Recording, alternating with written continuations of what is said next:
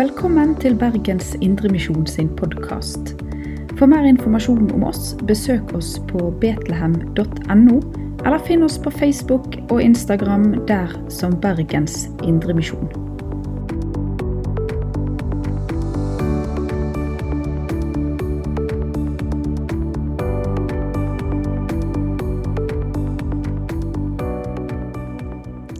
Vi fortsetter å be. Vi takker deg, Herre Jesus, for at du som kom, og som skal komme igjen, også kommer i dag. Og vi ber, Herre, om at du får stige frem imellom oss gjennom ditt ord, gjennom alt som sies og synges, slik at du når inn i vårt hjerte og vårt sinn. Hjelp oss til å lytte, til å høre hva du sier også i dag. Amen. Prekenteksten på denne tredje søndag i advent er ifra Lukas evangelium, kapittel 3, fra vers 7. Mye folk dro ut for å bli døpt av Johannes, og han sa til dem:" Ormyngel, hvem har lært dere hvordan dere skal slippe unna den vreden som skal komme? Så bær da frukt som svarer til omvendelsen, og begynn ikke å si til dere selv:" Vi har Abraham til far. For jeg sier dere, Gud skal reise opp barn for Abraham av disse steinene. Øksen ligger allerede ved roten av trærne, og hvert tre som ikke bærer god frukt, blir hugget ned og kastet på ilden. Hva skal vi da gjøre? spurte folk. Han svarte, Den som har to kjortler, skal dele med den som ikke har noen, og den som har mat, skal gjøre det samme. Det kom også noen tollere for å bli døpt. Og de sa til ham, 'Mester, hva skal vi gjøre?' 'Krev ikke inn mer enn det som er fastsatt', svarte han. Og noen soldater spurte ham, 'Hva skal vi gjøre, da?' Og til dem sa han, 'Press ikke penger av noen ved vold eller falske anklager, men nøy dere med lønnen deres.' Folket gikk nå med forventning, og alle tenkte i sitt stille sinn at Johannes kanskje var Messias. Da tok Johannes til orde og sa til dem.: Jeg døper dere med vann, men det kommer en som er sterkere enn jeg, og jeg er ikke verdig til å løse sandalremmen hans. Han skal døpe dere med Den hellige ånd og ild.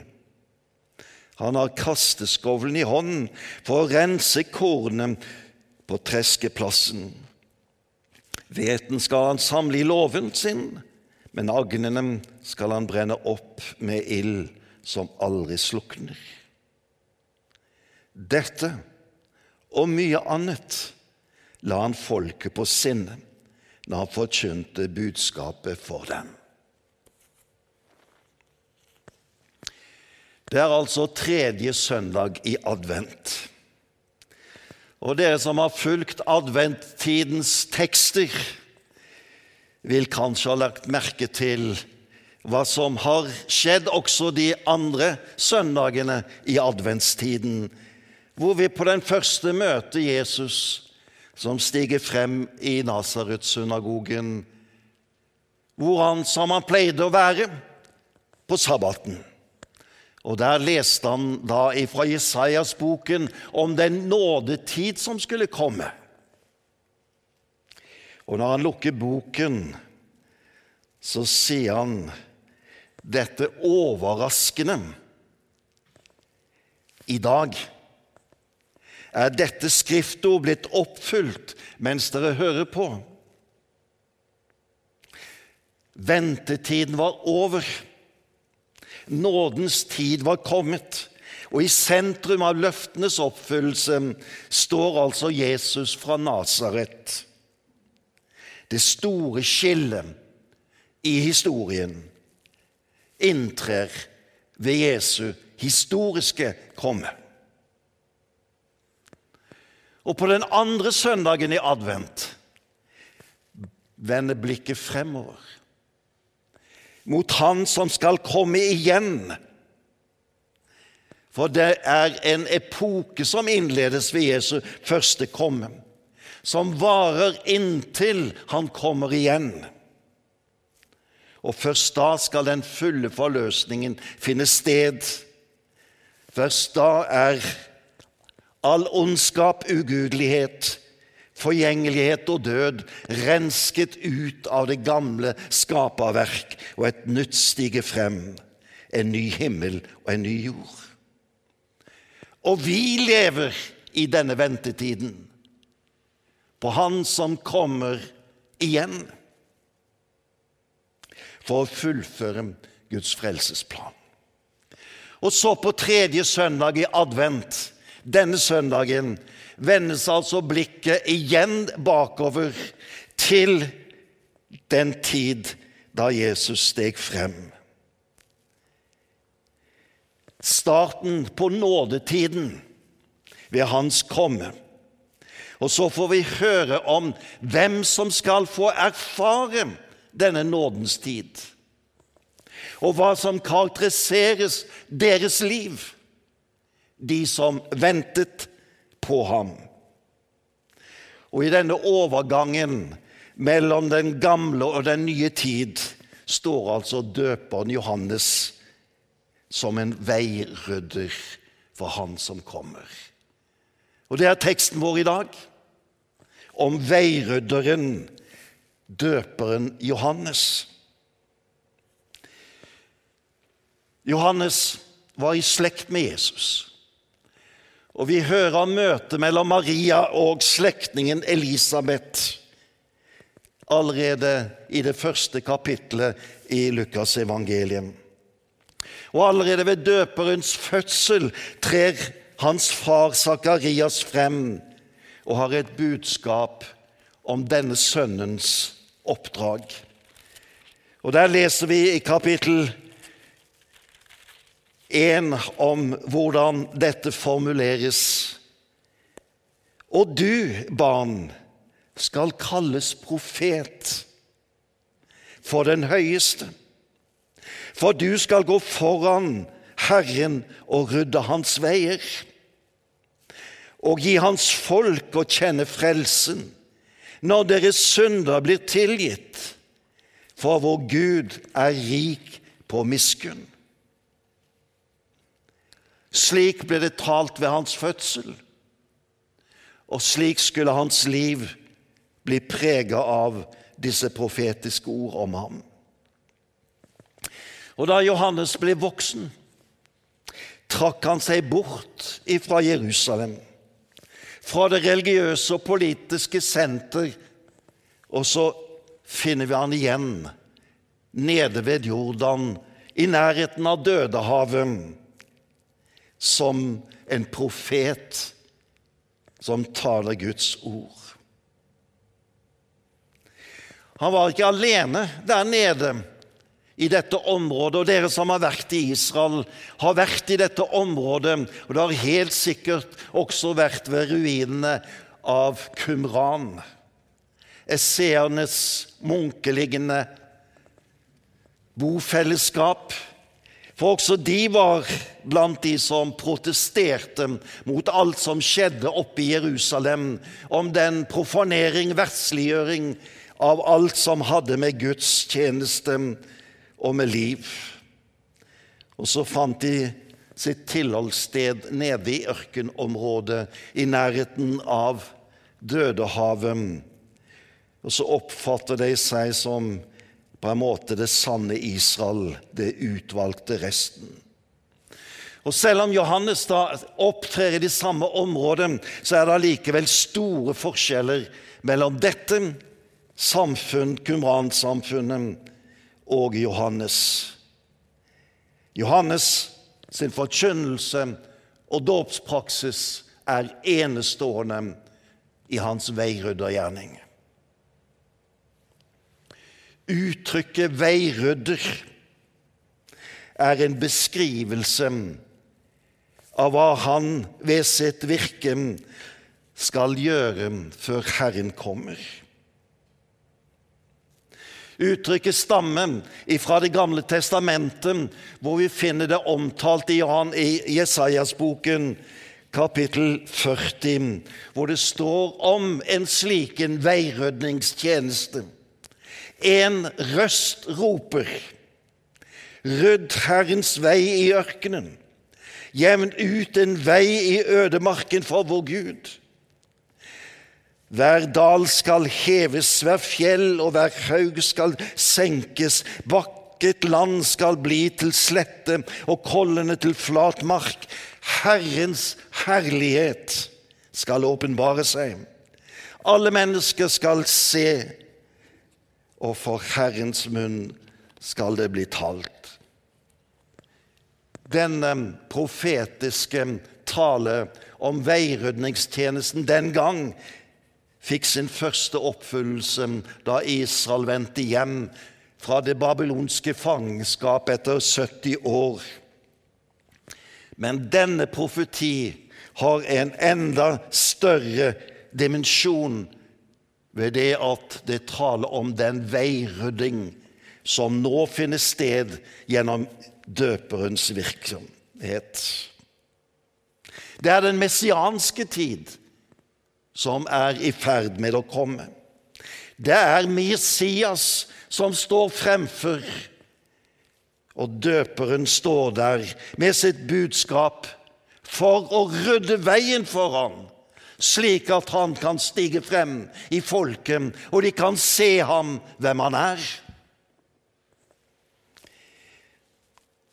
Og hans forkynnelse blir sammenfattet i et uttrykk Vend om, for himmelriket er kommet nær.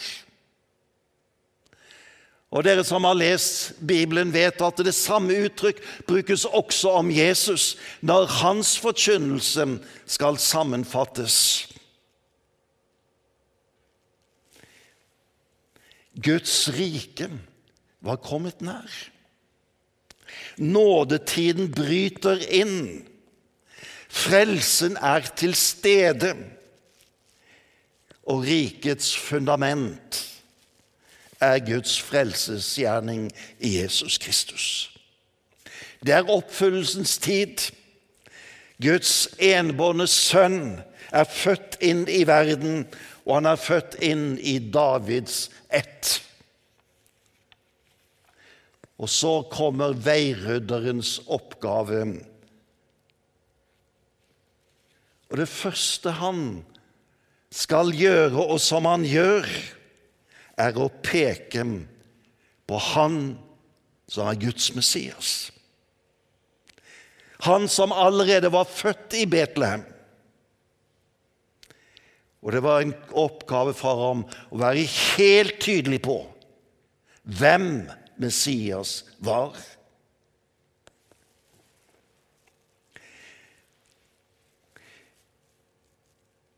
Og det gjør et sterkt inntrykk på folket, den tjenesten som døperen her gjør.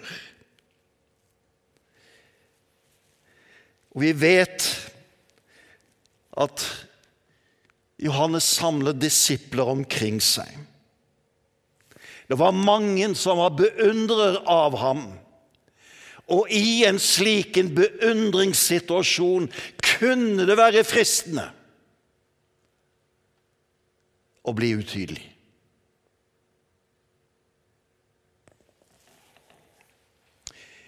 Og vi merker det, at omkring Johannes er det de som har andre tanker enn det som Johannes peker på. At døperen var en kjent, stor skikkelse i datidens Israel, er helt åpenbart. Og den jødiske kjente historiker Josefus, som levde da i det andre halvdelen av det første århundret, i sitt store verk om Israels kriger, omtaler Johannes. Han setter dype spor, og vi vet at hans disipler ble spredd rundt omkring i Israel og utenfor Israels grenser. Da er det lett for at det kan skifte fokus. Og der kommer, altså, som vi hører i denne teksten her, tanker opp. Kanskje du er Messias? Og i Johannes evangeliet kapittel 3 får vi denne merkelige omtalen av disiplene sine tanker og litt sånn misunnelse. For i slutten av kapittel 3 er det omtalt dette forholdet mellom døperen Johannes og Johannes-disiplene og Jesu disipler. Og da har de lagt merke til at Jesus allerede stiger frem og begynner å samle folk og så hører vi at disippelen til Johannes kommer til ham. Rabbi, han som var sammen med deg på den andre siden av Jordan, og som du vitnet om, han døper nå, alle går til ham.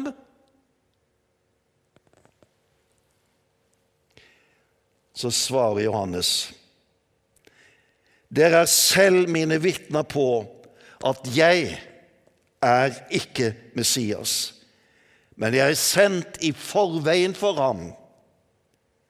Og så bruker han da etterpå de kjente ordene Han skal vokse, jeg skal avta. Det er den rette holdning til et budskap som må være tydelig hvem Jesus er. Der finnes mange fristelser for predikanter til å ta oppmerksomhet og dermed bli en skygge for sitt eget budskap. Ord, holdninger, handlinger kan være med på å skygge for at Jesus stiger frem og blir tydelig imellom oss. Vi er derfor satt til å preke om Jesus Kristus så tydelig at han kan stige frem slik som vi møter han i Skriften, som vår frelser og Herre. Derfor heter det vi skal tale som Guds ord taler.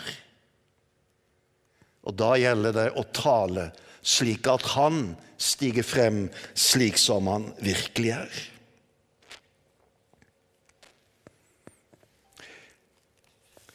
Veirydderen stiger inn i folks liv. Johannes skal forberede sine tilhørere for å ta imot Guds sønn. Og døperen peker på Jesus. Men da må også tilhørende være beredt til å se den veien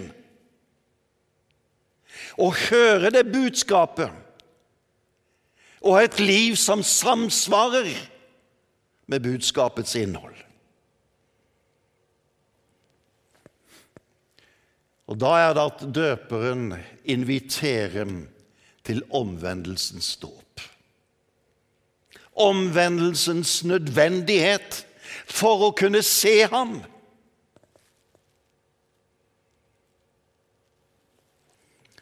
Ingen kunne leve i sine synder og samtidig se ham. Derfor er det at Johannes inviterer inn til denne enestående dåpen som er den eneste av sitt slag før den kristne dåp kommer. En dåp som er omvendelsens dåp til syndenes tilgivelse. Slik omtales Johannes dåpen. Døperen setter lyskasteren på folks liv. Og den falske religiøsitet og den ugudelige livsførsel avdekkes. Og døperen bruker sterke ord. Ormeyngel, sier han om sine tilhørere. Og uttrykket har en gjenklang fra syndefallsberetningen, hvor vi hører om djevelen som gjennom slangen frister menneskene til opprør mot Gud. På en måte er det som om uttrykket inviterer tilhørende inn til en erkjennelse om at de er en del av den slekt som ble preget av slangens gift, som tilhører Adamsslekten, og som trenger Guds nåde. Som trenger hans frelse.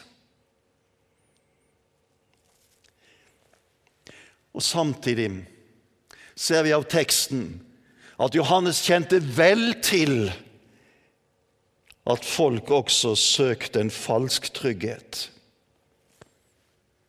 en trygghet i at vi er jo Abrahams barn.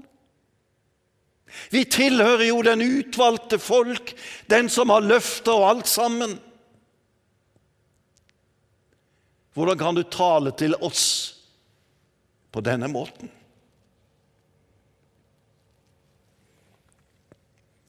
Vi tilhører ikke ormeslekten. Vi tilhører Guds slekt.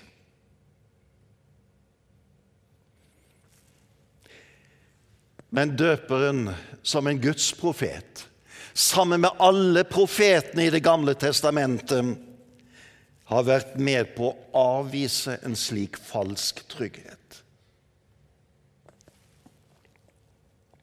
Å vise til sin omskjærelse og tilhørighet til Israelsfolket var ikke nok. For pakten som Gud inngikk med dette folk fra Moses av, og som ble fornyet flere ganger, det var en pakt som innebar at deres liv lukkes inn i et samfunn med Gud som forplikter dem på et nytt liv. De skulle avspeile Guds vesen i hedningenes verden. Guds gode vilje skulle stige frem gjennom deres liv, deres tanker, deres ord, deres holdninger, så skulle de avspeile hvem Gud var, Han som er den sanne Gud for alle mennesker. Og Gjennom hele Det gamle testamentet kalles Israel til å vende sitt hjerte mot Gud og leve omvendelsens nye liv med Gud.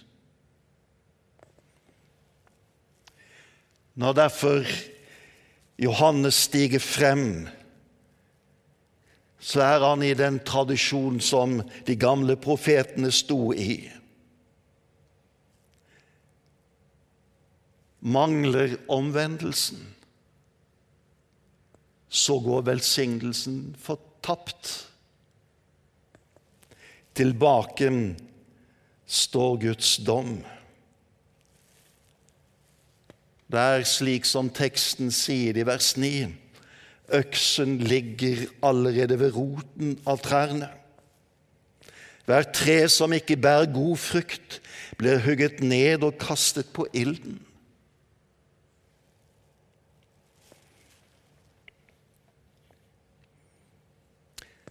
Døperen kaller derfor som veirydderen til et liv i omvendelse. For at de skal kunne se hvem Jesus er som frelser og herre.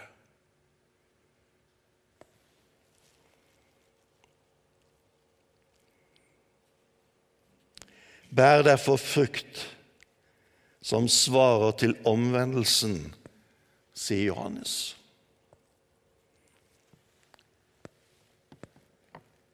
Og det er et budskap også til oss.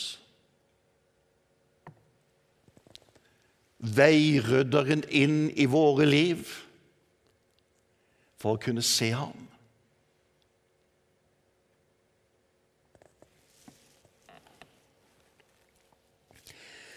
Teksten gir oss noen konkrete eksempler på dette omvendelsens liv.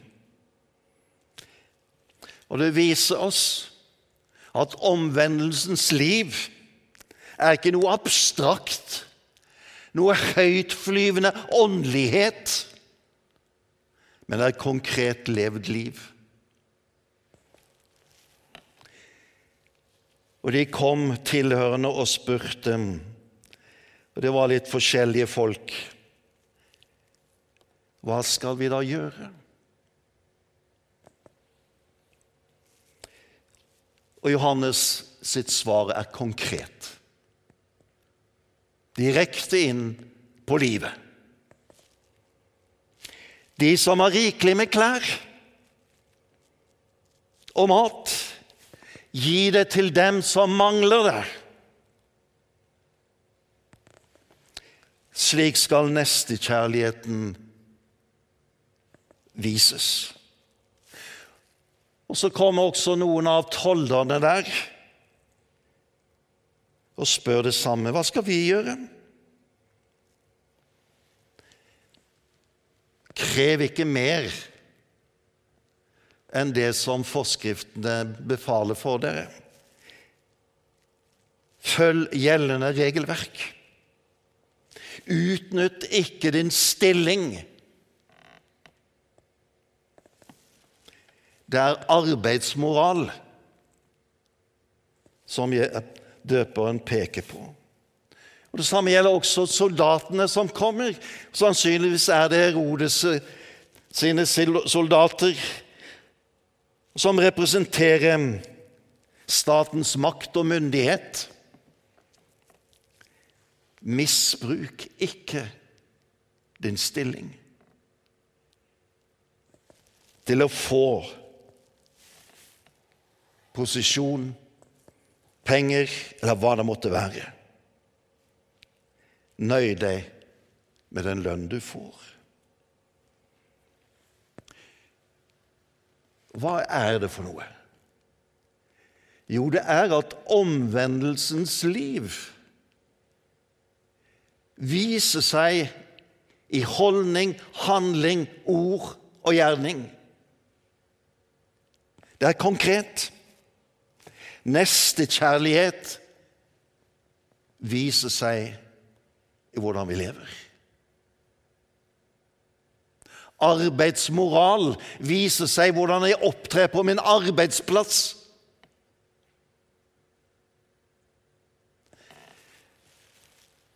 Og så tenker jeg at hadde Johannes stått her i dag og skulle eksemplifisere det samme, så hadde nok kanskje eksemplene vært litt annerledes, men det hadde vært det samme det dreide seg om. Et liv som svarer til hva som er Guds gode vilje for menneskelivet, slik som det leves i det konkrete, i hverdag, i helg, i møte med medmennesker, i møte med de som jeg jobber sammen med, min slekt. Det konkrete livet. Mitt og ditt liv. Satt til å avspeile Guds vesen i en verden som nettopp mangler kjennskapet til Gud.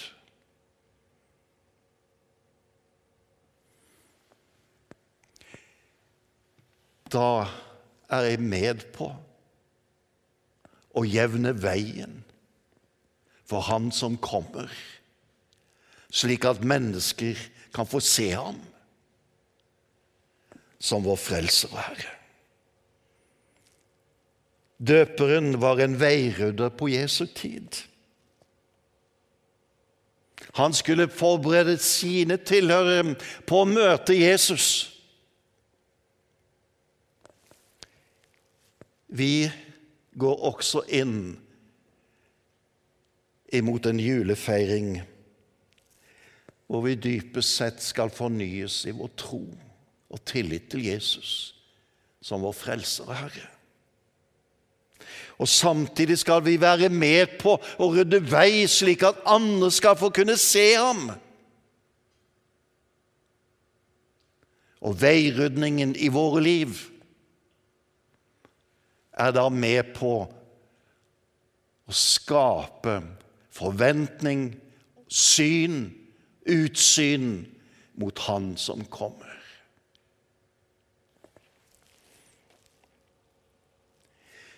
Det er tekstens budskap på tredje søndag i advent, som angår oss alle. Herre Jesus, du som kommer, må vi gå deg i møte. Og må vi med våre ord og vårt liv vitne om deg, slik at flere ser deg. Amen. Du har lytta til Bergens Indremisjon sin podkast.